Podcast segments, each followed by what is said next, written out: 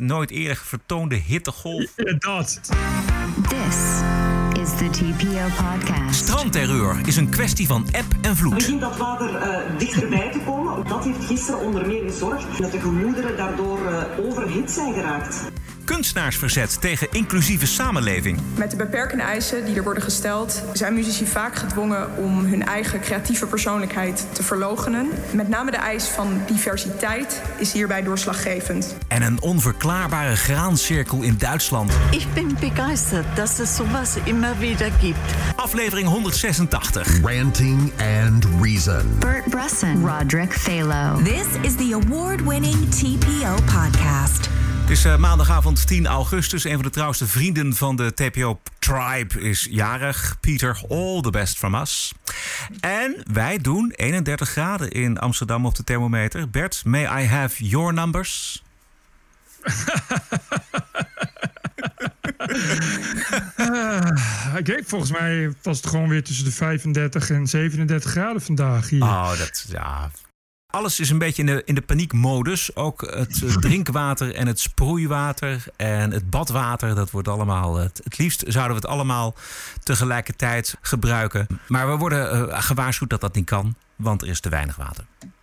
Nee, dan valt de waterdruk weg en dan loop je dus het risico dat er geen water meer uit de kraan komt. Nou, ik moet toevallig zeggen dat er eh, vanmorgen merkte ik wel dat er heel weinig waterdruk eh, stond. En ik ben zo'n ongelooflijk brave burger die normaal gesproken zijn tanden poetst onder de douche, maar dat nu dus niet doet omdat de waterdruk wegvalt. En dan denk ik, ja, misschien is het toch niet helemaal sociaal om dan maar met tanden te blijven poetsen terwijl ik al lang nat en schoon ben. Het, het probleem is dat Nederland Een burgerman ben ik ook, hè? Nee, dat is heel netjes, zeker als er te weinig water is. Maar eh, eh, het probleem in Nederland is dat dat is een van de la- weinige landen waar ook echt drinkwater uit de kraan komt. In de meeste landen, zeker in warme landen, kopen mensen gewoon flessen of ze hebben gewoon een eigen reservoir. En dit, dan krijg je dus dat, dat als de waterdruk wegvalt, is het ook niet zo, per se zo'n probleem. In Nederland ben je ervan afhankelijk. Als je twee dagen geen water hebt, kun je ook niet meer koken en niet meer, niet meer drinken, et cetera. Eh, en dat is, dat is gewoon slecht geregeld. Dit, Nederland is er gewoon niet op gebouwd om inderdaad dit soort watervoorzieningen vast te kunnen houden voor langere tijd. Ja, dat is waar. Eh, sowieso veel vakantie thuisblijvers natuurlijk. En temperaturen boven de 30 graden maken Nederland niet per se leuker. Overvallen wegen naar Tito stranden. Verkeersregelaars mishandeld afgelopen weekend in Scheveningen. Dieptepunt natuurlijk zaterdag aan een zwemsteiger in de Nieuwe Meer in Amsterdam. Een jongen van 24 doodgeschoten omdat hij iets tegen het vuilnis zei dat het horloge van een vriend wilde jatten. Waarop het vuilnis uiteraard zijn wapen pakte en de 24-jarige Bas van Wijk uit Badhoevedorp doorzeefde met kogels. Het signalement was ook wel vrij snel duidelijk zonder signalement, maar het signalement eh, verbaasde eh, niemand. Amsterdam in shock, maar nog niets van de burgemeester gehoord. Maar, Nee. maar nou hebben wij iets op tape van de burgemeester. Doen we dat maar. En hoop is overal om ons heen aanwezig. Ja, de burgemeester eh, met haar hoop begint het een beetje lastig te krijgen. Ik zag dat de hele dag op eh, social media uiteindelijk zelfs GroenLinks trending topic was. En dat was niet eh, uit positiviteit, maar dat was omdat mensen inderdaad het GroenLinks stadsbestuur een beetje verantwoordelijk beginnen te houden voor al dit soort dingen. Want je kan natuurlijk op je vingers natellen dat het wel heel vervelend gaat worden als je ehm doorroeien, hoe zeg je dat, riemen eruit te gaat Ja. om te voorkomen dat er eh, preventief gefouilleerd wordt. En er nu dus blijkt dat dankzij preventief fouilleren dit soort vuilnis met een vuurwapen op zak loopt. En dat vuurwapen dus gebruiken. Eh, om maar eens wat te noemen. Dat is natuurlijk de, de consequentie die mensen daaruit, daaruit gaan trekken. En we kennen allemaal GroenLinks, dus we weten dat GroenLinks eh, straks weer keihard gaat terugslaan. Ik zag een GroenLinks die zei: nee. Van VVD'ers en bankiers. Die zijn tenminste betrouwbaar. En dat soort niveau. Eh, en we weten ook wel dat het echt niet zo gaat zijn dat de, de, de GroenLinks-fractie in Amsterdam straks de handen op het hoofd gaat leggen en met as gaat strooien en na aanhoudend jammeren gaat zeggen: jullie hebben gelijk, we gaan ons beleid aanpassen. Dat zal absoluut niet gaan gebeuren, dat weten we nu al. Het gaat natuurlijk liggen aan het feit dat de dader gestigmatiseerd was. Uh, het feit dat uh, als we hadden preventief hadden gefouilleerd, het vast nog erger was afgelopen. Het ligt een andere, you name it. Er zijn allerlei redenen te denken voor een echte GroenLinkse. Dus er gaat niks veranderen. Maar ik vind wel, en dat ben ik toch wel met die mensen eens, dat je zo langzamerhand. Um, ja, dat stadsbestuur en deze burgemeester hier eens een beetje op mag gaan aankijken. Want de stapel lijken en die stapel lijken bestaat toch wel steeds uit hele jonge mensen die wel steeds onschuldiger worden. Begint toch wel een beetje erg groot te worden. Exact. Dit zijn gasten en leden of aspirantleden van de, van de macro-maffia die gewoon een wapen pakken als hen dat uitkomt. Al gaat het om het stelen van een horloge. Um, en daar helpt het preventief fouilleren ook tegen, volgens mij. Want uh, dit soort jeugd bewapent zich. Ja, dit soort jeugd weet dat ze, dat, dat ze gewoon een vuurwapen kunnen dragen. Juist. In, in de wereldstad Amsterdam. Want ze weten dankzij de uitspraak van de burgemeester dat het niet zal gaan gebeuren. Dat de politie ze aanhoudt om ze te fouilleren. Al helemaal niet als ze allochtoon zijn, want we willen absoluut niet stigmatiseren en, uh, en uh, etnisch profileren, weet je wel. Dus je kan in wezen, kun je als mokromafia-lid doen wat je wil. Je kunt gewoon inderdaad met je Kalashnikov en je raketwerper fluitend op de scooter, toch niemand die je ja. aanhoudt. En ja, ik, ik vind echt, het begint toch echt wel een beetje de spuigaten uit te lopen. Weet je, het is niet meer langer uh, is, het, is het drugsgerelateerde criminaliteit. Dit is een volkomen onschuldig slachtoffer. Exact, ja. tussen, tussen de recreërende vrouwen en kinderen. Ik bedoel, God weet wat er allemaal nog meer had kunnen gebeuren. Het argument tegen preventief fouilleren, dat houdt het ook steeds minder. Want dit soort acties zorgt er natuurlijk voor dat de discriminatie vanzelf toeneemt. Want iedereen weet om wat voor type jongeren dit gaat. Ja, er was al een signalement voordat er een signalement was. Dat is natuurlijk ja. niet zo heel raar. Weet je, ja, en ik, en ik begrijp ook wel, die mensen die, die nu zeggen... Uh, ik, ik, ben niet zo voorstander van demonstraties... want dat gaat sowieso niet veel veranderen. Maar ik begrijp wel wat ze zeggen. Zeg van ja, weet je, als het om Black Lives Matter gaat... dan, is het wel, uh, dan, is, dan wordt het Staat wel allemaal zo uit staat het dam vol. En uh, nu ineens hoor je niks. En nu ineens is de burgemeester hoor je helemaal niks van. Is hij op vakantie of zo? Je? Zit, ze bij, uh, zit ze in haar uh, legaal verklaarde illegale tweede huisje. Een beetje, een beetje op afstand van, van de onveiligheid. Een beetje te wachten. Tot er misschien weer iemand het voor haar opneemt of zo. Of is ze aan het appen met de minister misschien? Of die straks haar rug heeft. Je weet het niet. We hebben nog helemaal niks gehoord. Dus het begint mij wel benieuwd te worden wat de burgemeester Halsema straks... die toch altijd benadrukt burgemeester voor iedereen te zijn en boven de partijen te staan, straks voor een prachtige woorden heeft voor de nabestaanden van deze Bas, die het niet meer mag navertellen omdat hij uh, zo dom was om, uh, ja, om zich te bemoeien en iemand erop aan te spreken. En Amsterdam wil graag dat je mensen erop aanspreekt als er last is van discriminatie. Dus Bas dacht, nou, als je mensen moet aanspreken op discriminatie, dan toch ook minstens op het stelen van Rolexen. Dat had Bas in Amsterdam misschien beter niet kunnen doen. Hoe is het toch mogelijk dat steeds die progressieve ideeën zo haaks staan op de werkelijkheid? Het gaat om een hele groep jongeren eh, in Amsterdam en daarbuiten, die op deze manier de samenleving, de maatschappij onveilig maken. Even naar België, Bert, want het is ook een soort Nederland. Uh, daar was het ook feest uh, afgelopen weekend. De massale vechtpartij op multiculturele leest geschoeid aan het strand van Blankenberg. Uh, de Vlaamse omroep, publieke omroep VRT, legt het uit dat het door eb en vloed komt. De volledige capaciteit van het strand. En dat is bij laagtij is dat 350 meter breed. Dus je krijgt dan al die mensen op een stuk strand van 350 meter breed. Maar tegen de avond, en dat was gisteren dus ook het probleem voor een deel, uh, begint dat water uh, dichterbij te komen. Wordt het strand natuurlijk een stuk korter. Dan gaat dat naar 100 meter. En dan krijg je evenveel mensen op een ja. veel kleinere oppervlakte en dat is toch wel echt een probleem, want dat heeft gisteren onder meer gezorgd dat mensen op elkaar zaten in coronatijden en dat de gemoederen daardoor uh, overhit zijn geraakt. Ja, Eb en vloed ja. bestonden al langer dan België, volgens mij. België bestaat ook al 190 jaar, maar het land uh, liet zich toch verrassen afgelopen weekend door eb en vloed. Dit is wel ook een beetje de, de, de, vorm van politieke correctheid die je mag verwachten van de Belgische, Belgische staatsjournaal. Inderdaad. Ja, exact. Ja. Ja. Terwijl uh, de Belgische krant het nieuwsblad. Ja. Uh, zelden politiek correct, meer het omgekeerde, meer een soort telegraaf wat dat betreft. Die wist te melden dat het uh, vooral ging om lieden van Noord-Afrikaanse afkomst. Met een lang strafblad voor onder meer geweldsdelicten. Ja, exact. En uh, gelukkig hebben ze in België ook een commerciële omroep. Die heet VTM. En die durfde wel man en paard te noemen. Volgens Binnenlandse Zaken gaat het om jongeren uit Brussel. Zijn het allemaal leden van een Afrikaanse jeugdbende. Die al allemaal gekend zijn ook bij de politie. En de politie is ook wel helemaal klaar met de term jongeren. Trouwens, wel grappig uh, dat de, de, zu de, zuidenburen exact hetzelfde doen als de politiek correcten in, in Nederland.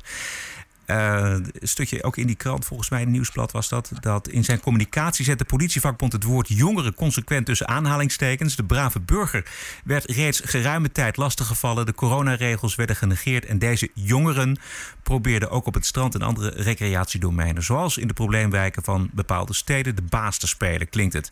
De vakbond wil dat deze jongeren eindelijk benoemd worden door, tussen aanhalingstekens, de politiek. Het begint er nu een beetje ja, een beetje, beetje absurdistische trekjes begint het aan te nemen.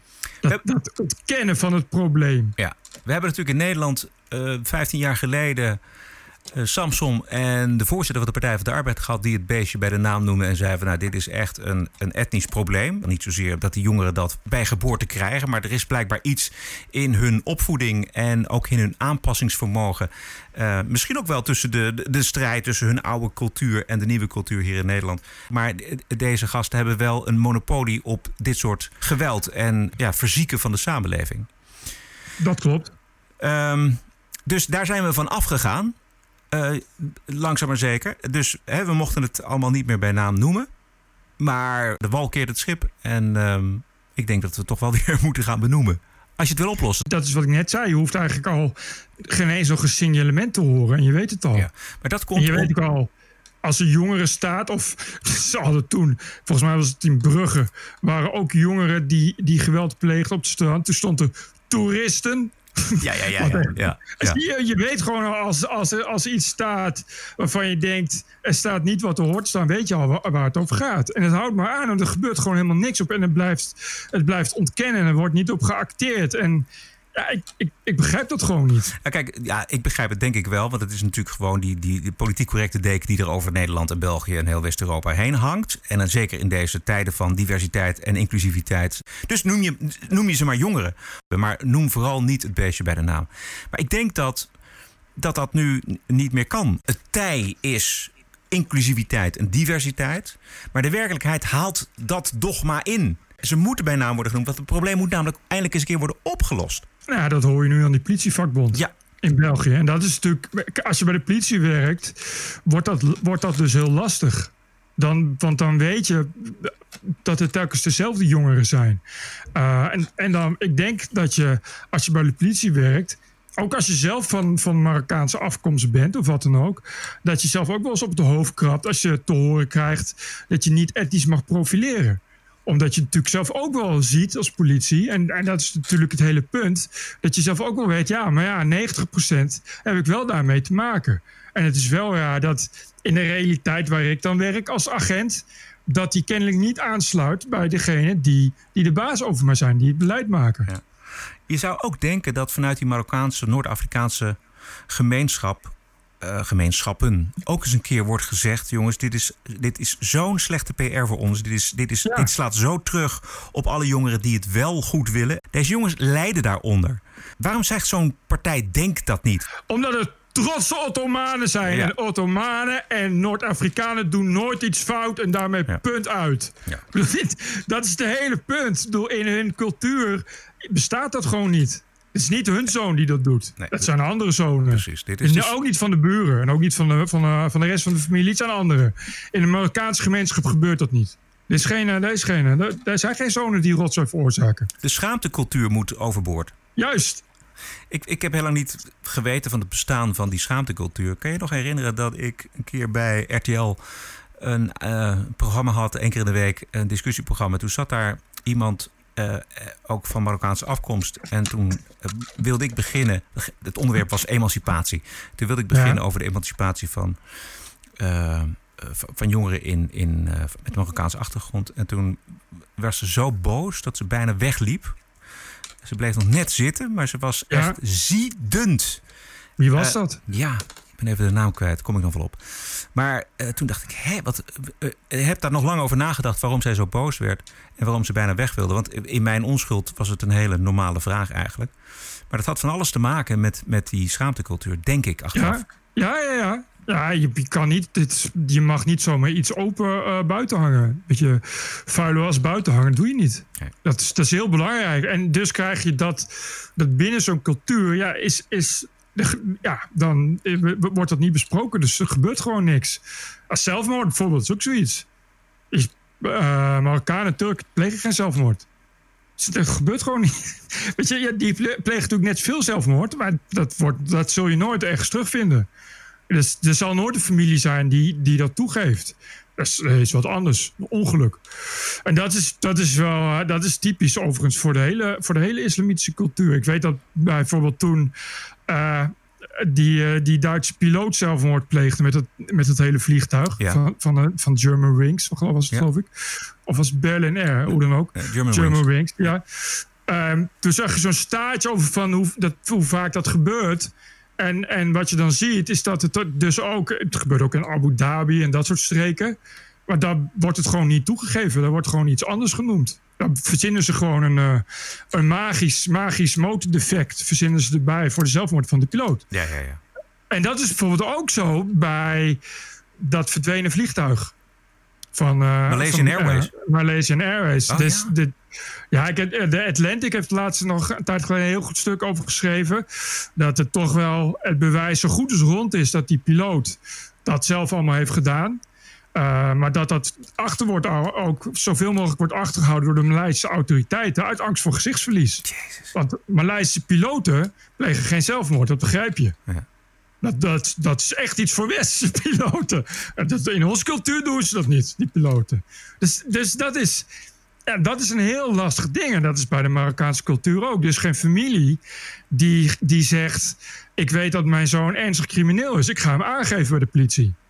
Dat doe je niet. Je gaat niet je eigen zoon aangeven bij de politie. Nee, nee. Dat is, dat, is, dat is de schaamte, voorgoed de schaamte voor- over, over je hele familie afroepen. Dat is het laatste wat je doet. Ja. Dus dat maakt het ook allemaal heel erg lastig. Eh, doe doe me denken aan. Ik heb, ik heb een keer een aanrijding gehad met een groep Marokkaanse jongeren op een tankstation in Luxemburg. Dat was niet zo'n leuke ervaring trouwens. Nee. Ehm, eh, die gasten reden achteruit en ik reed vooruit. En zij reden dus achter mij, tegen mij aan. En dat was dus hun, Ja. hun fout, want zij reden Ja. achteruit uit, een parkeerplaats. En toen, eh, dus ik stapte uit en toen, die gasten ook. En toen liep daar een, ja, duidelijk een Marokkaanse of moslimman, een oudere Ja. die ik nog enigszins hoopvol aankeek van... eh, u zag er ook wat er gebeurde. En hij wees onmiddellijk naar mij dat het mijn schuld was. Ja, ja. Yep. Ja. Yep. En toen? Ik dacht van ja, ik, ik, moet ik de politie hierbij halen? Ja, maar hoe doe ik dat? Weet je, mijn Frans is niet zo goed. Dus eh, dacht, hoe, gaan, hoe gaan we dit regelen? En toen zeiden ze Ja. al heel snel van nou, je kunt het, je kunt het afkopen. Je kunt, de scha- en ze stond onmiddellijk Yep. om mij heen. Je kunt het afkopen voor, wat was het? Eh, 250 euro of zo. En heb ik daar maar voor Schijntje. gekozen. Ja, ja. Ja. dat viel me ook nog Het mee. is, het is duidelijk wat de bedoelingen zijn anders. Ja. Ga niet voor niks om je heen staan. En Ja. Dit is wel eh, hoe, hoe, hoe het werkt. Ja. Dat ik, eh, ik, had, ken ook iemand die, die zoiets had. Die eh, was ook een, scooter van een, eh, van een Mokro. En ja, die stond gewoon daar, te wachten. En zei, ja, jouw fiets heeft mijn scooter beschadigd. Oh ja. Die fiets staat gewoon in het hek. Ik weet niet. Volgens mij heeft jouw scooter mijn fiets beschadigd. Omgekeerd. Nee, nee, nee. Dat is, moet je betalen. hè. Die heeft gezegd, ja, ik doe dat wel via mijn advocaat en zo. Ja, uiteindelijk eh, heeft, is hij natuurlijk afgedropen. Maar het idee is dat je dan eh, ja, betalen. Ja. Betalen, weet je. Ja. Anders eh, geef je adres maar. Dan komen we met z'n 16 langs Ja, vanavond. ja. Dit, Nou, dit, dit is mij ook overkomen op het Leidseplein. Ehm, oh ja. Ja. En toen? Nee, toen ben ik, toen ben ik gewoon weggereden. Ik, ik, ik trok mijn Oh. schouders op en het was klaar. Maar het, het was wel een poging. Ja, ze proberen het altijd. Weet je, Ja. en je bent, je bent al blij als je daar dan heel uit uitkomt, inderdaad. Ja, je bent soms eh, zo overbluft eigenlijk. Dat je denkt, ja, wat... eh, Ja, maar wat moet je anders? Anders wordt het, wordt het meteen een intimidatie Ja. zo. Dus ja, Ja. weet je, dan denk je van ja. 200 Zeker als je in Luxemburg staat, inderdaad, sta je daar een beetje op, parkeerplaats. Je spreekt de taal niet. Nee. En, en de En mensen zijn toch, toch tegen jou, want je bent een buitenlander. Precies, ja, ik, niet. ik, ik, was ja. alleen met, met mijn vriendin en dan staan er eh, zes van die gasten om je heen. Ja, wat doe je? Je zit niks anders op Nee. dan je maar te laten afpersen. Ja, zo werkt maffia. Ja. Ehm, misschien zijn er luisteraars die denken: wat hoor ik toch op de achtergrond? Is dat je ventilator? Dat is mijn ventilator. ja, ja. Ehm, ik heb ook Ik heb een airconditioning. Oh, ah. Twee. in de Twee studio, in jouw studiootje, heb jij Nee, een- nee, niet, nee, niet in mijn studio. Wel, een- ik heb wel ook een mobiele, maar die, die maakt zoveel herrie. Dat is meer dan 65 decibel. Hm. Maar ik heb bij mijn slaapkamer en mijn woonkamer. En ik heb in mijn slaapkamer een nieuwe keurige split airco van een topmerk. En die maakt s'nachts maar 20 decibel herrie. En dat klinkt ongeveer zo. Mooi hè? En daar kan je Mooi. goed- is maar de hele kamer een hele nacht lang keurige 18 graden. Zonder dat je iets hoort. Geweldig. Zometeen de cultuurkamer vol diversiteit en inclusie... en gehoorzamen aan de waanzin in de Wokweek. Maar eerst Beirut. Nog één keer die ongelofelijke blast in Beirut. Ja, alles wat er in die stad in 15 jaar burgeroorlog is afgeschoten... kwam dinsdag nog een keer tot ontploffing. What? What? What? Zwaar, bro! Dat zijn die gasten die eh, met een bootje eh, voor de kust liggen... en zien wat er Oh ja. gebeurt. Ja, ja, ja. Ehm, ik ben in juni 2010 een week in Beirut geweest. Lang Ja? gekoesterde wens van mij. Dat centrum is helemaal opnieuw opgebouwd. Het ziet er fantastisch mooi I know, uit. I know. Ja, jij bent er ook geweest. Nee, nee, nee, dat las ik. En ik, nou, nu dus niet meer. Het centrum Nee. is nu weer, nu weer weg. Het is gruwelijk. wat echt zo sad is. Ja. Was, hoe lang die burgeroorlog echt zo vernietigend. heeft zo lang geduurd. Ja. En hij uiteindelijk een beetje zo uit het dal kruipt. Met, met, met, met alle problemen van die. Want Beirut is natuurlijk de laatste jaren, of heel Libanon is natuurlijk de laatste jaren steeds, steeds dieper zinkend gat geworden. Met corruptie Ja. en, en extreme armoede. En nu dit. Wat bijna onvoorstelbaar is. Het is onvoorstelbaar. En wat ik ook goed kan zien in al die beelden die we zagen, was de schokgolf. Ja. Dat zag je ook vooral heel goed in die auto. Dat die mensen keken door de voorruit, zagen die enorme explosie. Nou, ze reden nog eventjes een paar seconden door. En op een gegeven moment kwam die schokgolf en knalde die hele auto ondersteboven. Het is, eh, die, ik vond dat heftig die- om te zien.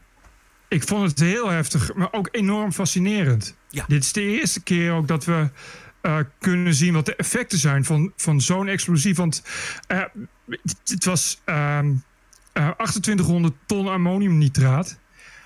En als zich dat vertaalt in een, in een explosie van inderdaad rond de 3 kiloton, wat, wat dus 2800 100, eh, ton is, dan is dat dezelfde kracht als een tactisch, klein tactisch kernwapen. Zo.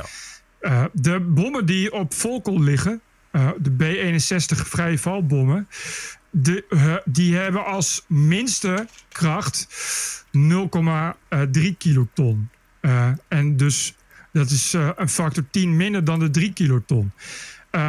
En dit is voor het eerst dat we kunnen zien wat er dus gebeurt als je zo'n klein tactisch kernwapen inzet op een bepaalde, op een bepaalde grootte. Als je dus zo'n B-61-bom uit een vliegtuig werpt en je, en je zet hem op eh 3 kiloton. Dat ziet er dus zo uit. Ja, ik denk als die niet aan de rand van Beirut was ontploft, maar midden in de stad, was er van die hele stad niks meer over geweest. Dat denk ik ook. En eh, ik, ik weet niet, eh, ik, ik heb daar niet, niet zo heel veel verstand van. Volgens mij, als je een atoombom gooit, heb je een, grotere vuurbal, dat soort dingen. Maar qua vernietigingskracht is het gelijk. Dus die schokgolf, dat blijft gelijk. En je ziet inderdaad dat hij. Eh, hij stond gewoon aan de rand van de haven. Op die voor- en na-foto's zie je een kade. En op die na-foto's zie je alleen nog maar een groot gat. Ja. Waar de kade was. Dus de helft is gewoon weg, weggegaan, dat water over. Maar als je dat inderdaad keurig in het midden doet. En ja, tel, tel uit wat er dan gebeurt. En dat vond ik echt eh, ongelooflijk, maar ook ongelooflijk fascinerend om te zien. Ja. Dit, dit soort wapens hebben we dus, die we ook nog eens een keer. Dit was dus nog een kleine, kleine klap.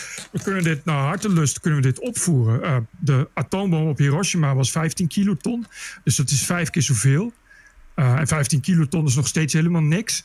En de tactische kernwapens die we hebben gaan ongeveer vanaf nou, 0,1 tot, tot pak een beet 10, 12 kiloton. En dat kan heel snel escaleren. Wat het probleem is met tactische kernwapens, omdat ze heel klein zijn, ben je ook geneigd ze sneller in te zetten. Exact. En ze, zijn, En- ze beperken de schade. En nu zie je ook waarom. Want als je, als je, dit, als je zo'n bom op een vliegveld gooit, of op een legerbasis, is die gewoon weg. En de rest blijft redelijk bespaard. Ja. En als je er, eh, ja, je zet ze natuurlijk in massa in. Als je er twintig tegelijk inzet, ja, tel uit je winst. En dit is wel iets waar, om je heel erg zorgen over te maken. Ook omdat zowel eh, Trump als Poetin ehm, nu heel erg bezig zijn met het, met het ontwikkelen en inslaan van tactische kernwapens. Ook met het oog op het ja, toekomstige gebruik. En ze zijn daar steeds meer geneigd in om dat te gebruiken. En nou, je kunt nu naar Beirut kijken om te zien wat daar de al niet onbedoelde gevolgen van kunnen zijn. Ik zat op 1500 meter van die explosie, nabij de christelijke wijk daar. Wat een fantastische Oh wijk is. Ja, ja dat was, is zo'n leuke wijk met restaurants, bars. En daar kan gewoon alcohol worden gedronken natuurlijk, omdat het een christelijke Ja. wijk is. Je kan er geweldig eten. En de- die wijk is ook voor een groot gedeelte nu, ehm, nou ik wil niet zeggen vernietigd, maar wel heel erg eh, kapot. Nou, weg. Voor iedereen die eh, iets nog meer wil weten van die stad. Er is een prachtige documentaire. Die heb ik eventjes erbij gepakt. Die heet Beirut The Last Home Movie. Dat is er eentje uit eh, begin van de jaren tachtig. En dat gaat over een bruiloft in die christelijke wijk. En een familielid, een journaliste, die eh, vertrokken is eh, naar New York. Maar voor die bruiloft terugkomt naar Beirut. Midden in de burgeroorlog. En ehm, die film heet dus Beirut The Last Home Movie.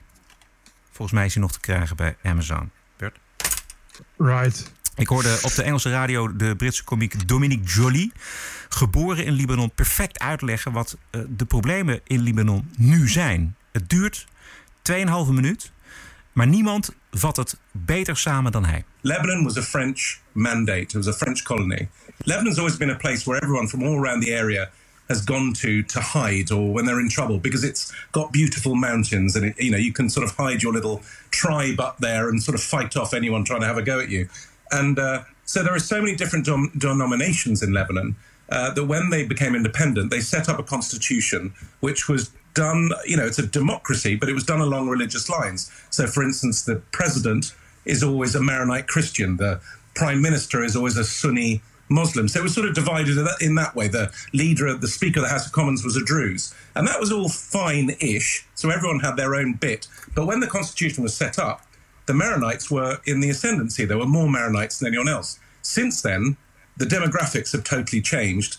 But the political system hasn't. They- You know, everyone refuses to have another census, so they're running the sort of this weird split of the country in a sort of very delicate system on on a population census from about 1948. So it's a real problem with that.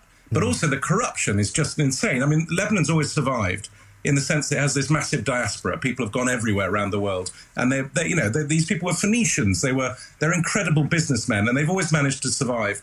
But finally, after civil wars and people invading them, and people kind of using Lebanon as a as a sort of neutral battlefield, uh, I think finally the place is cracking um, because the economy has collapsed, and that was the one thing that always sort of managed to keep going. And with the port being blown up, uh, which is what's happened here, the port is so central to Lebanon. Lebanon's surrounded often by hostile countries. Uh, there are big mountains that go up behind the port. So really, it's it's sort of lifeblood. Everything comes in through that port. So the port being blown up absolutely cuts Lebanon off from the rest of the world. Just at a time when Lebanon itself, a population of you know five million, has a million Syrian refugees in there living with them because they've come over from Syria. So uh, supposedly, there's now after this bomb going off, there's 300,000 people suddenly homeless, and one in three Lebanese are a refugee at the moment. You know, people coming from Syria. So it is an absolute tinderbox, and the one time where you need proper politicians, proper government, and they just have nothing like that. So the only thing I can hope is that Lebanon's had so many disasters, so many unlucky and self-inflicted things happen to it. But I just hope that something of this scale, which for once is not an attack, uh, could somehow be the proper, proper catalyst to get some proper political change. But I have no idea how. Dat is precies natuurlijk het grote probleem van hoe wordt dit probleem opgelost. En het probleem is eh, natuurlijk dat er geen proper politicians zijn. En volgens mij is het laatste nieuws, Bert, dat eh, die regering is afgezet. Dat er ehm, dat het ministerie van Economische Zaken in beslag is genomen. Dat ja, het eigenlijk gewoon één grote chaos is op dit moment. En... Ik, ik begrijp ook dat, dat uh, dit helemaal failliet is. Een soort helemaal lege, leeggeroofd door corrupte politici. Ja, en de dus bevolking heeft ook niks meer te verliezen. Weet je wel. Het is, dat is het punt. Er zijn nu 16 mensen gearresteerd uh, voor een onderzoek. Een van die mensen is de uh, topman van de haven. En die topman die heeft tegen de New York Times gezegd dat um, hij al meerdere malen verzoeken had ingediend bij justitie ja. om de stoffen te verplaatsen. Maar er gebeurde helemaal niets, zegt hij. Ze kregen volgens de havenbaas de boodschap dat de lading geveild zou worden. Maar daar is ook nooit van gekomen. Justitie deed helemaal niets. Dat, dat las ik dus ook, hè, dat het al jaren lag. Uh, en, en dat inderdaad ja, iedereen de, in die haven ook zei van dit kan niet zo, dit kun je niet zomaar zo lang opslaan, dat is gevaarlijk. Ja. En ja, meerdere malen aangegeven en niemand die daar iets aan deed. Wat, wat echt absurde gedacht heeft. Wat, zoveel, uh, zoveel, zoveel van dat spul bij elkaar. Dat, ja. is echt, dat echt zo raar. Dat is volgens mij dat zou je in Nederland zou dat, zou dat onmogelijk zijn. Volgens mij ben je dan als bestuurder en als politicus alleen maar met jezelf bezig als je dit soort risico's uh, niet wil zien of daar niks aan wil doen. Nou ja, waarschijnlijk inderdaad gaat dat, gaat dat via corruptie. Dat daar uh, mensen zijn uh, die, die dat dan weer afbetalen en zo. Ja. Het kan inderdaad gewoon niemand wat schelen. Wat, wat, wat ook weer inderdaad, zo begreep ik het, ook weer te maken heeft met, uh, met clans en, en, uh, en uh, etnisch-religieuze afkomst ja, en dat soort dingen. Dat, dat, precies, dat land bestaat alleen maar uit clans en religieuze dus, uh, groepen. En die zijn altijd vertegenwoordigd tussen aanhalingstekens door de machtige politici. Die hebben ja. het altijd zo tegen elkaar uitgespeeld, die groepen. Dus die mensen die, die, die aan de top zitten, de politici, dat zijn, niet, dat zijn helemaal niet de mensen die dat het beste kunnen. Nee. Meestal juist niet. Nee. Meestal nee. zijn het mensen die helemaal niets kunnen. En zich gewoon inderdaad via via een, een, een macht weten te verwerven. En dat is een beetje waar, waar, waar het op neerkomt uiteindelijk dan. Ja. En de grote vraag is of dat gaat veranderen door deze enorme blaas, deze enorme knal. Even terug naar Nederland. Uh, nog even over de kunsten. Bert, even de onrust. Aanleiding is natuurlijk de code diversiteit en inclusie bij de verdeling van de subsidiepoet. Uh, ik heb de afgelopen weken een column over geschreven. En die boosheid uh, bij die cultuursector die blijft natuurlijk heel erg en terecht. Dit is nog eventjes de fluitist en prijswinnares Lucie Hors tegen de minister van Cultuur Engelshoven in juni. Met de beperkende eisen die er worden gesteld, um, zijn muzici vaak gedwongen om hun eigen creatieve persoonlijkheid te verlogenen. Uh, om maar te mogen blijven meedraaien in het systeem. Met name de eis van diversiteit is hierbij doorslaggevend. Uh, blijkt doorslaggevend uh, bij het besluit van het toekennen van de subsidies, die bepalend zijn voor het voortbestaan van deze ensembles. Zodra diversiteit of originaliteit echter een doel op zich wordt, is het gevolg juist een heel eenzijdig cultureel leven.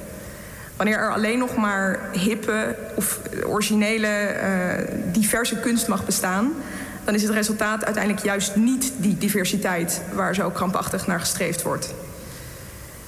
Pas wanneer alle uiteenlopende manieren waarop muzici hun creativiteit gebruiken een even groot bestaansrecht krijgen, pas dan kan er echt sprake zijn van een divers cultureel landschap. Het getuigt toch van lef als je deze woorden op zo'n belangrijk moment met allemaal hoogwaardigheidsbekleders in de zaal durft te zeggen. Lucie Hors, ja, dit was Radio 4. Uh, de presentator verbaasde zich ook over het lef wat uh, ja. deze fluitisten had.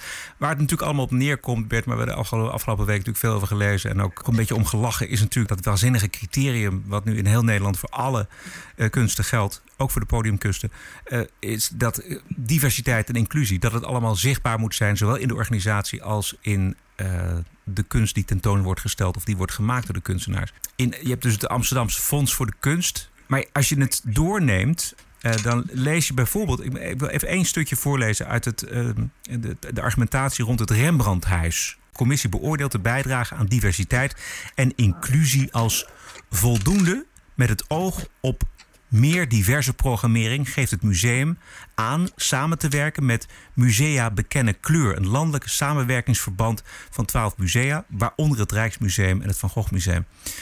Eh, het gaat om diversiteit en inclusie te verankeren in het DNA van de verschillende organisaties. Het streven naar een cultureel diverse organisatie vergt volgens de commissie gedrags- en denkveranderingen in de breed gedragen, die breed gedragen moeten worden. De commissie vindt het positief dat het museum daarvoor in alle geledingen en op alle niveaus van de organisatie aanjagers heeft benoemd.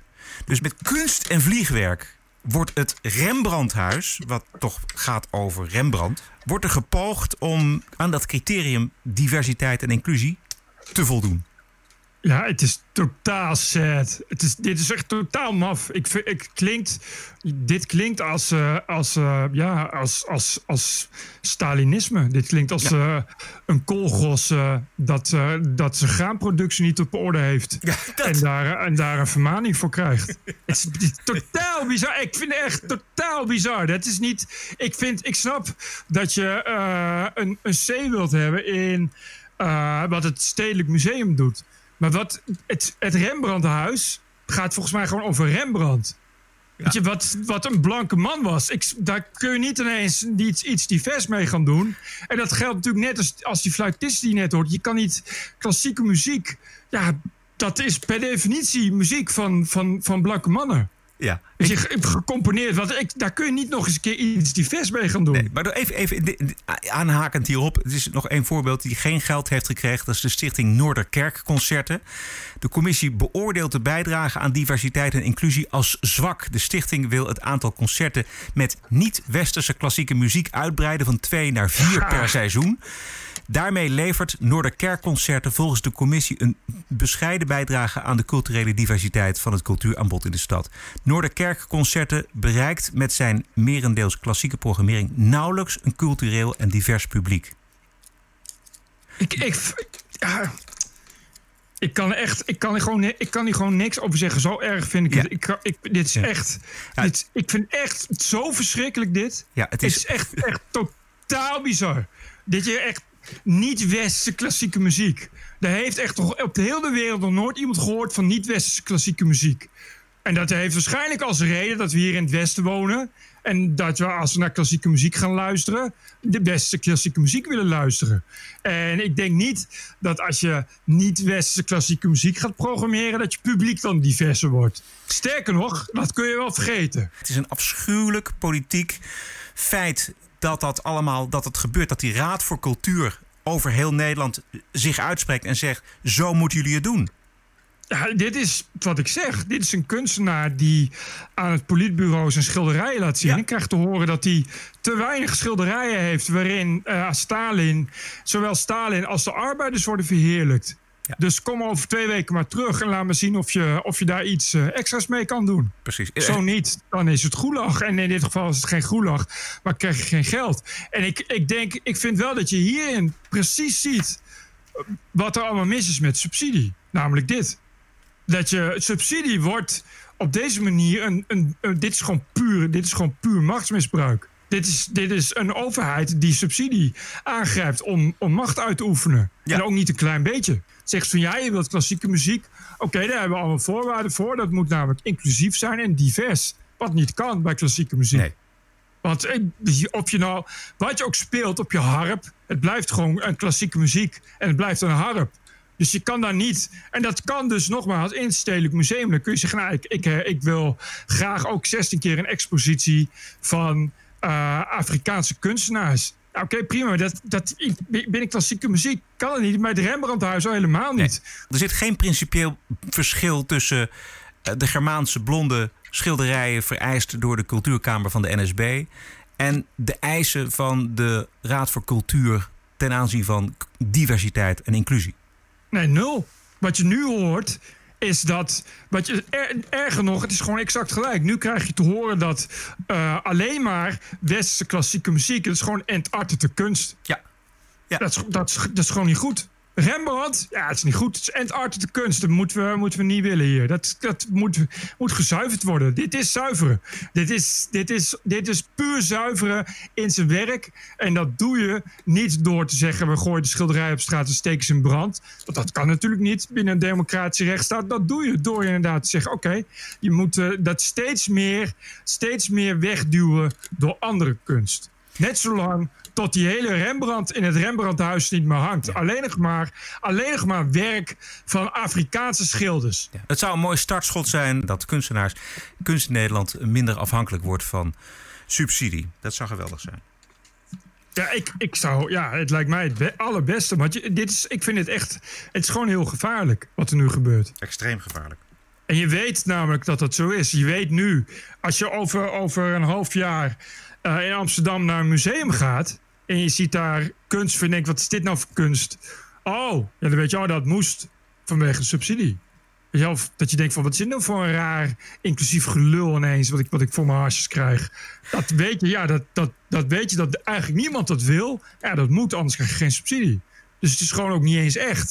Het is gewoon nep. Dan ga je dat je op zondagochtend lekker even eh, denkt even, even naar Vivaldi luisteren. Dan krijg je ineens. eh, ineens eh, Kijk, de, Afrikaanse remix. TPO Podcast. Zometeen gaan we waarderen en doneren en horen we deze man. Now, do you think any black mother support their kids being in the street with the Bibles burning? Eerst de Woke Week. Ik begin eventjes met die presentatrice Nicolette van Dam. Die had een racistisch etentje geregeld thuis aan haar racistische tafel, gedekt met witte servetten.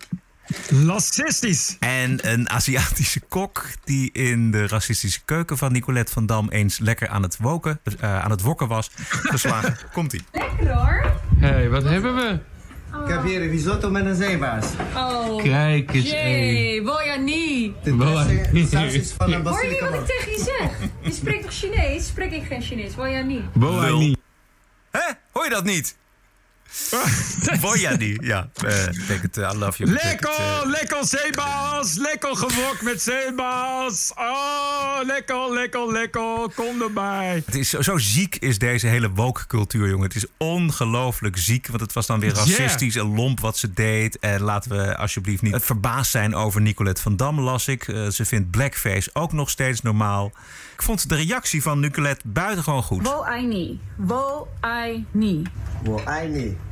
Hadden we dat gisteravond even geleerd, dat ik wat minder gezeik had, Jay. Ik begrijp echt de ophef over dat soort Nee, dingen. joh, dat kan ik echt al lang niet meer volgen. En daar heb ik toch vroeger heel veel op Twitter gezeten. Maar toen was het, kan ik je vertellen, echt niet zo erg. Dit is echt, dit is, dit is echt voorbij mijn, mijn verstandshorizon ook.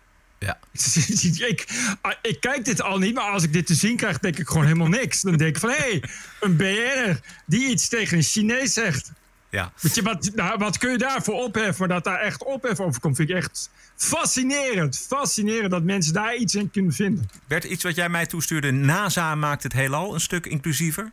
Ja, het, eh, eh, het benoemen van eh, sterrenstelsels en planeten en zo is ook racisme. Ja. Zo heb je bijvoorbeeld de Eskimo-nevel. Dat kan natuurlijk niet. Want? Waarom Hallo? niet? Snap je? Snap je? Nee, niet. Nee, nee, nee, leg uit. Es- Eskimo.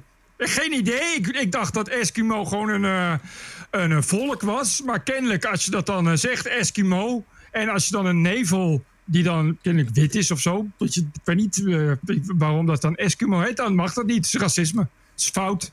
Mag niet. Moet weg. Moet ook moet gecanceld. Dus de Eskimo-nevel heet nu gewoon weer, zoals die altijd heette, heel makkelijk, NGC 2392. Wonderlijk hoe dan de- deze politieke correctheid doordringt tot in eh, de, de, de directie van de NASA. Ik raak daar helemaal in de war van. ook. Het- Goed, eh, de Hollywoodsterren Ryan Reynolds en Blake eh, Livery... die hebben hun excuus aangeboden omdat ze in 2012... dus dat is acht jaar geleden, op een voormalige plantage zijn getrouwd. Duizend keer sorry en 200.000 keer een dollar... naar de burgerrechtenbeweging NAACP. Wat hebben ze verkeerd gedaan precies? Ze hebben in 2012 zijn ze getrouwd. En, Ja? de, de- en de, de ceremonie vond plaats op een voormalige plantage. Ja? En daar zijn ze pas sinds kort achter gekomen. Of iemand heeft ze daarop getipt en gezegd: "Eh, Dat is wel aardig dat jullie getrouwd zijn. Maar zie je waar dat is? Oh, nou, dat, was, dat was 150 jaar was het een plantage. Ja? Oei. Hey, maar is het nu nog een plantage met Nee, slaven nee, nee, nee, zo? nee, nee, absoluut niet. Dus Nee. wat, ik begrijp gewoon niet. Nee. Ik, ik begrijp het gewoon. Ik begrijp het gewoon echt serieus oprecht niet. Jij loopt ook tegen een grens aan. Ik denk dat we deze mensen, zoals die Hollywoodsterren, zoals het bestuur van de NASA, zoals al die mensen, al die woke ehm, mensen dat we die toch echt anders moeten zien. Laten we nou eens niet inclusief doen. Laten we nou eens denken dat die mensen toch een beetje dat daar een draadje los zit. En laten we onszelf eh, daar buiten houden. En, en want we proberen ons steeds in te leven in deze mensen om het te Ik- begrijpen, omdat we het graag. Dat gaat niet, inderdaad. Dat gaat gewoon niet. Laat ze. Laat, bedoel, niet. het is leuk om het te benoemen. En laat, laten we ze be- be- benoemen als, alsof we in een, in een dierentuin lopen. En deze Hollywoodsterren zien die zich een, een slag in de ronde excuseren... om eh, in het reinen te komen met zichzelf... en met eh, alle klagers op Twitter en social media. Maar laten we het niet proberen te begrijpen. want Het kan niet. Laten we het gewoon zien als amusement, oké? We gaan eh, waarderen en doneren. This is the TPO Podcast. Ik heb eh, van de week iets laten maken. En namelijk nieuwe liedjes op hetzelfde thema. Vond ik toch leuk om eventjes eh, te laten horen. Dit is zo'n eh, themaatje bijvoorbeeld. Herkent u misschien wel. Maar we hebben wat remixen laten maken. Dat doen we onder andere van het geld dat we krijgen van onze donateurs. Bert, hebben we nog eh, donaties gekregen? Eh, nou, donaties wel. Eh donatiemailtjes maar twee. Oké. Oh, hè? Deze heb ik vorige week al gelezen, zie ik. Oh, nog maar één. Dus, nog maar. Ja, iedereen is op één. vakantie natuurlijk. Dat begrijp ik ook wel. Ja, even kijken. Dit is van Lex Vink. Geweldige podcast. Zie er wekelijks naar uit. Luister meestal tijdens hardlopen. Soms vreemde blikken als ik weer eens hardop lachend mensen voorbij of tegemoet loop. Patreon geworden voor 5 dollar zodra jullie net als No Agenda naar twee keer per week gaan verdubbelen. Vorige week, nummer 185, ging het over podcast tips. Ik heb nog twee tips. De Dark Horse podcast van Brad Weinstein en Heather Hying. En The Portal van Eric Weinstein, de broer van. Exact. Goodbye and thanks for all the podcast, Lex Vink. Dankjewel, Lex. U wordt ondersteuner van de TPO-podcast voor een euro per aflevering. Dat is 52 euro per jaar. Of een bedrag naar eigen keuze. Kijk op tpo.nl slash podcast. En wilt u uw donatie toelichten? Vinden we leuk. E-mailadres info.tpo.nl This is us. This is our country. This is CNN breaking news. I believe that the president is literally an existential threat. Stop the hammering out there. Who's got a hammer? Make America great again. New York Times and CNN have also smeared veterans like myself. This video was taken during a heated exchange with an unidentified man who called Cuomo Fredo. Stop the hammering. This is the TPO Podcast. News 630 WMAL Washington. Ja, de Russen zijn terug om Trump te helpen. Groot opiniestuk afgelopen weekend in de Washington Post. En Hillary Clinton mocht er zonder enig bewijs aandacht voor vragen bij de vrienden van MSNBC. Geïnterviewd door een oud campagnemedewerker van haar. Former Secretary of State Hillary Clinton, I should note, I worked for Hillary Clinton in 2016 on her presidential campaign. Good morning, Secretary. Oh, good morning, Zerlina. And um, I'm very pleased to be here with you. I'm so proud of you. And I love uh, what you're doing, bringing the, the news in real time. Ja, het is netjes dat ze het erbij zegt, maar het is verder ook echt zonder enige vorm van schaamte. En het beïnvloedt het gesprek eh, volledig, zullen we maar zeggen. So, what's your advice to not only the Joe Biden campaign as we head into basically a virtual convention where the interference is clearly present? And you're the best person to ask because it happened to your campaign, our campaign.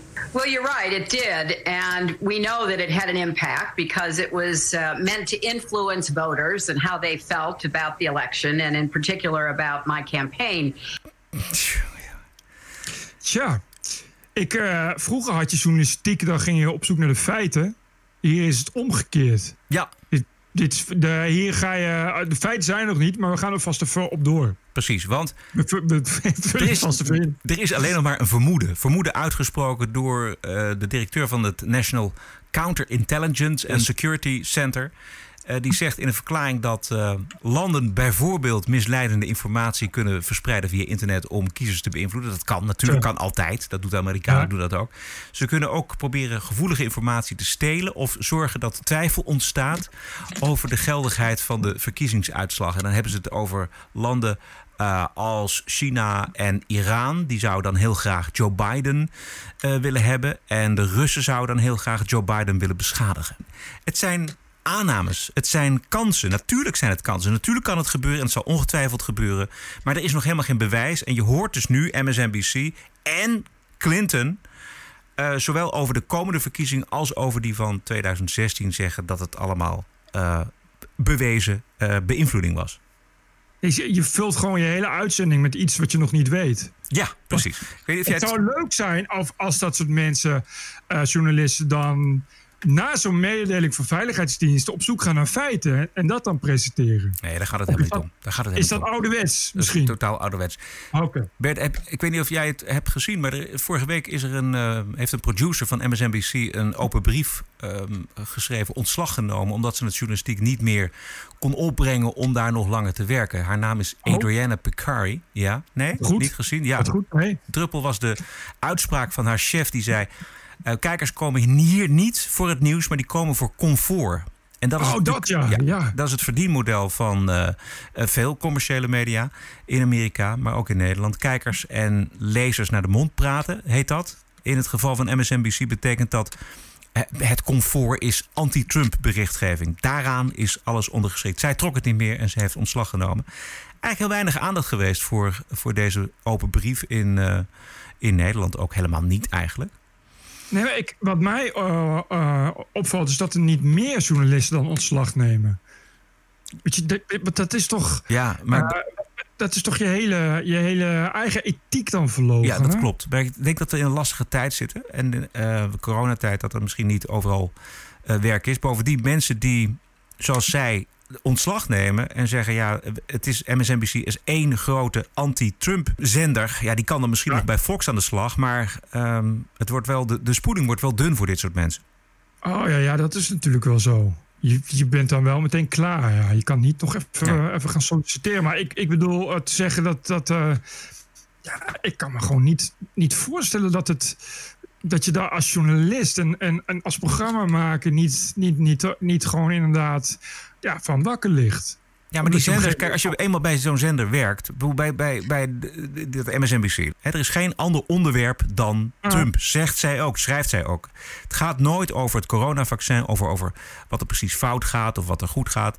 Het gaat altijd over Trump. Even nog een voorbeeld. There are Democrats who listen to Dr. Fauci and the CDC, and there are Republicans who largely listen to the president. So when he's flip flopping on masks, uh, when he's flip flopping on the severity uh, of this pandemic, saying, I don't know, it's all going to go away.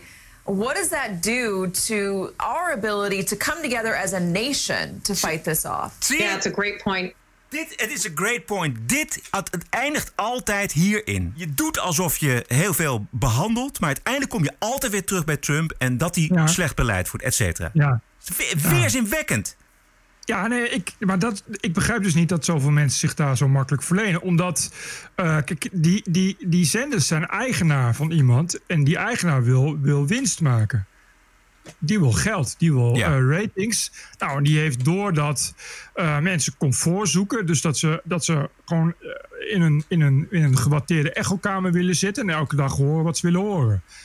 Oké, maar daar maakt hij het meeste win mee, winst mee. Maar normaal gesproken is het toch altijd een strijd tussen de journalistieke inhoud en, en, en de hoofdredactie.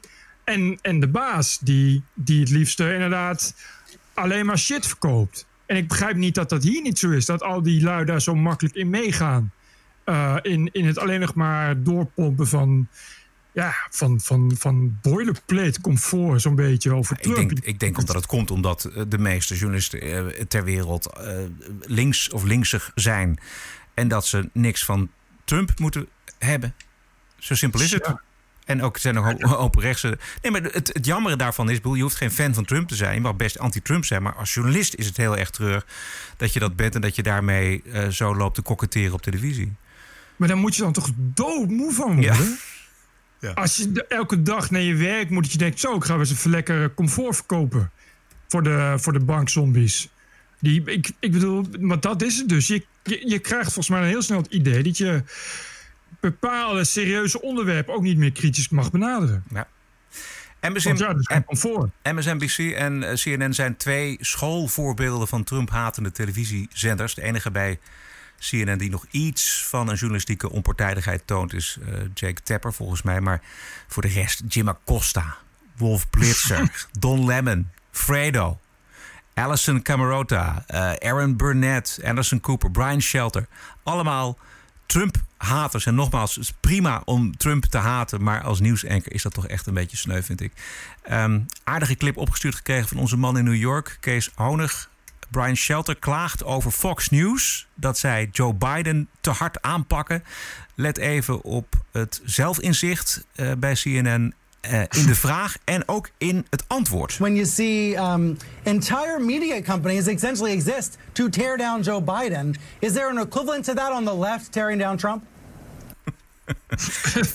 Dus hij zegt, hij zegt het wordt, Biden wordt zo hard aangepakt.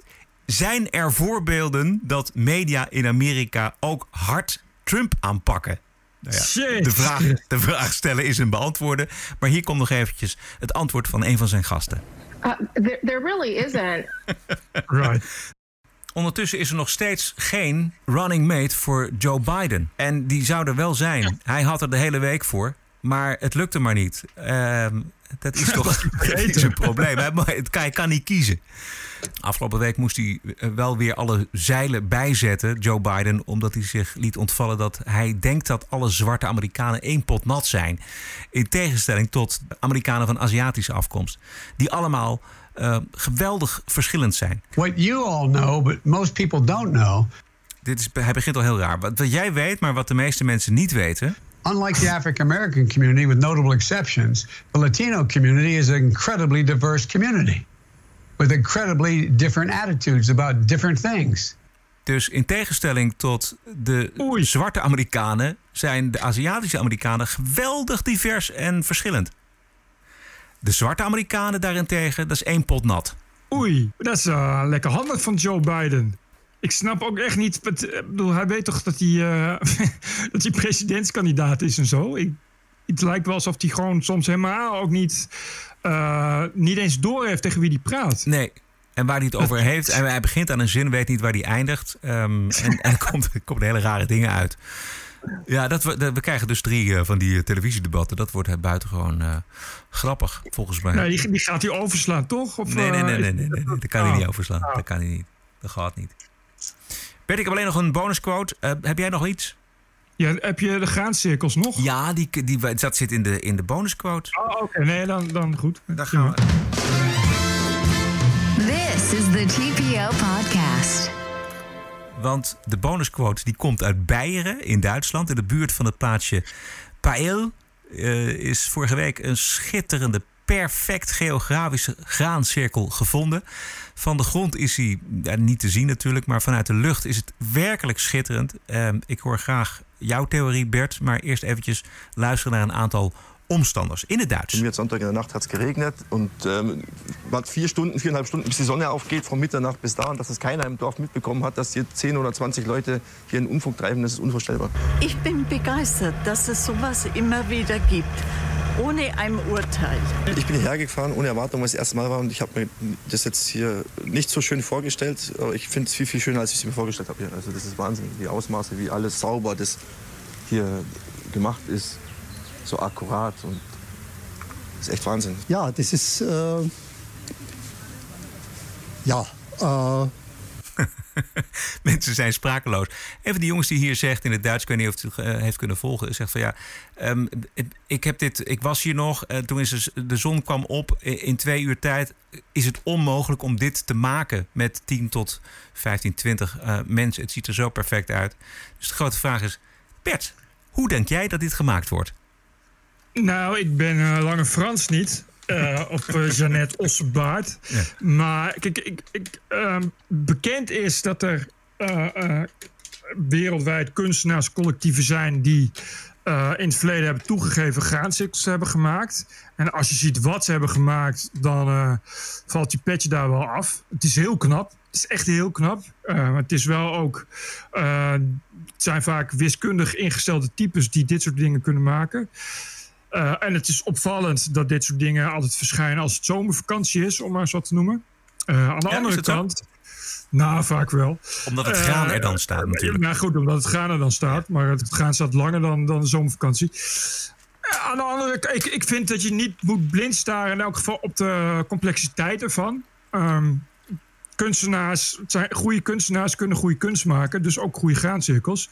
Eh, en dat is bewezen ook. Dus nogmaals, er zijn mensen die hebben echt laten zien hoe ze dat doen. En die kunnen dat reproduceren. Aan de andere kant, eh, vaak in dit geval is het zo dat mensen zeggen... ja, het, het, s'nachts was het er nog niet. En in die paar uur is het er ineens. Eh, we hebben daar ook verder niemand gezien. Dus het is wel onder heel mysterieuze omstandigheden... dat zoiets in een heel korte tijd ontstaat. Dat is natuurlijk wel zelfs als het goede kunstenaars zijn, heb je inderdaad twintig man nodig die daar heel lang over doen. Dat was namelijk een ander ding. Dat eh, die mensen die zeggen dat ze graancirkels gemaakt hebben, zeggen daar ook meteen bij dat ze dat echt niet in een uurtje doen. Eh, maar daar uitgebreid een lange tijd mee bezig zijn. Ehm, en je zou denken dat het toch opvalt als mensen in grote getalen midden in de nacht in, in zo'n veld staan te ploegen. Ja, met lampen. Met lampen en, en, eh, en touwen en, eh, en eh, planken. Wat ook wel zo schijnt te zijn, naar langdurig onderzoek, er is natuurlijk heel veel onderzoek naar gedaan, is dat er een hoop, toch een hoop vraagtekens open, overblijven. Onder andere door de manier waarop die eh eh, granen halmen worden platgedrukt. Als je dat met een plank doet, breken ze af.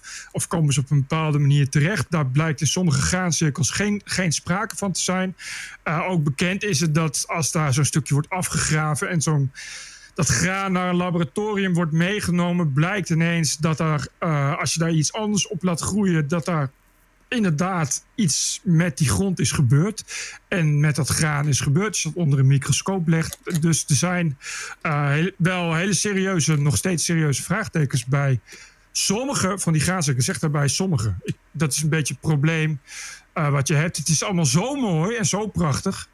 Dat als je de e- eerste blik op werpt, denk je: wauw, dat kan niet met hand- mensenhanden gemaakt zijn. Maar pas op, mensenhanden kunnen heel veel maken. Ook graancirkel. Ja. Heb jij toevallig gezien of kun je uitleggen op een simpele manier hoe dan zo'n graancirkel wordt gemaakt door mensen die dat wel gedaan hebben? Ja, door. eh, eh, je maakt dit ding in het klein. En door uitgebreide wiskundige berekeningen toe te passen, weet je ook hoe dat in het groot moet. En dan weet je, als je, nou, je hebt zo'n ding, dan weet je, dit moet dan, weet ik veel, 25 meter diameter worden. Dan mm, sla ik daar een paaltje, daar span ik een touw. En dat touw moet dan exact zoveel meter, zoveel centimeter lang zijn. En als ik dan, want ze gebruiken dan een lange plank, hè, om dat graan ook naar beneden te drukken. En dan, dan meet ze helemaal uit. En ze gebruiken daar bijvoorbeeld ook lasers voor. En echt geavanceerde meetapparatuur. Om te zien hoe ver ik moet lopen. En zo bouw je dat stukje bij beetje op. Dus je maakt een soort, soort grid van, van vierkantjes. Of van zes hoekjes. En dan werk je dat hele grid af. Van stukje bij stukje bij stukje. En dat is de manier waarop je dat doet. Dat is heel ingewikkeld en dat moet je wel goed kunnen. Maar nogmaals, er zijn dus mensen die dat ook echt goed kunnen. Die daar een hele goede manier voor hebben gevonden. M- wat je wel nodig hebt, uh, is, is iemand die, die in elk geval op een trapje kijkt. Uh, bijvoorbeeld of een drone die, die van boven kijkt hoe gaat het. Maar wat ze heel goed hebben gedaan, in elk geval, is het kunnen omzetten van een tekening, dus een op schaal, een tekening op schaal, naar dat enorme veld. Uh, en als je dat goed doet, weet je precies hoeveel meter je waar dat graan moet plattrappen. Goed, nou, uh, iedereen kan de graancirkel zien. Het plaatsje heet Pael. Als ik het goed uitspreek, P-A-E-H-L, graancirkel. En je ziet hem vanzelf. Tot zover deze aflevering 186. We bedanken iedereen die deze week gedoneerd heeft aan de TPO-podcast. Dat kan anoniem, dat kan ook met naam en toenaam. In het laatste geval laat ons vooral weten waarom je doneert. En een berichtje achterlaten kan op het e-mailadres info.tpo.nl. Financiële ondersteuning kan op een aantal manieren. Kijk op tpo.nl slash podcast. We zijn terug dinsdag 18 augustus. Daarna komt de TPO-podcast twee weken van twee Spaanse eilanden. In, in welk Spaans eiland ga jij zitten? Dat vertel ik als ik er zit. Oké, okay, goed. goed. Heb een mooie week en tot dinsdag. En veel plezier met de warmte. TPO Podcast. Bert Bruson, Roderick Balo, Ranting and Reason. Wo I niet. Wo I podcasting is the TPO podcast in the Netherlands. Bert and Roderick. What a show! I'm telling you.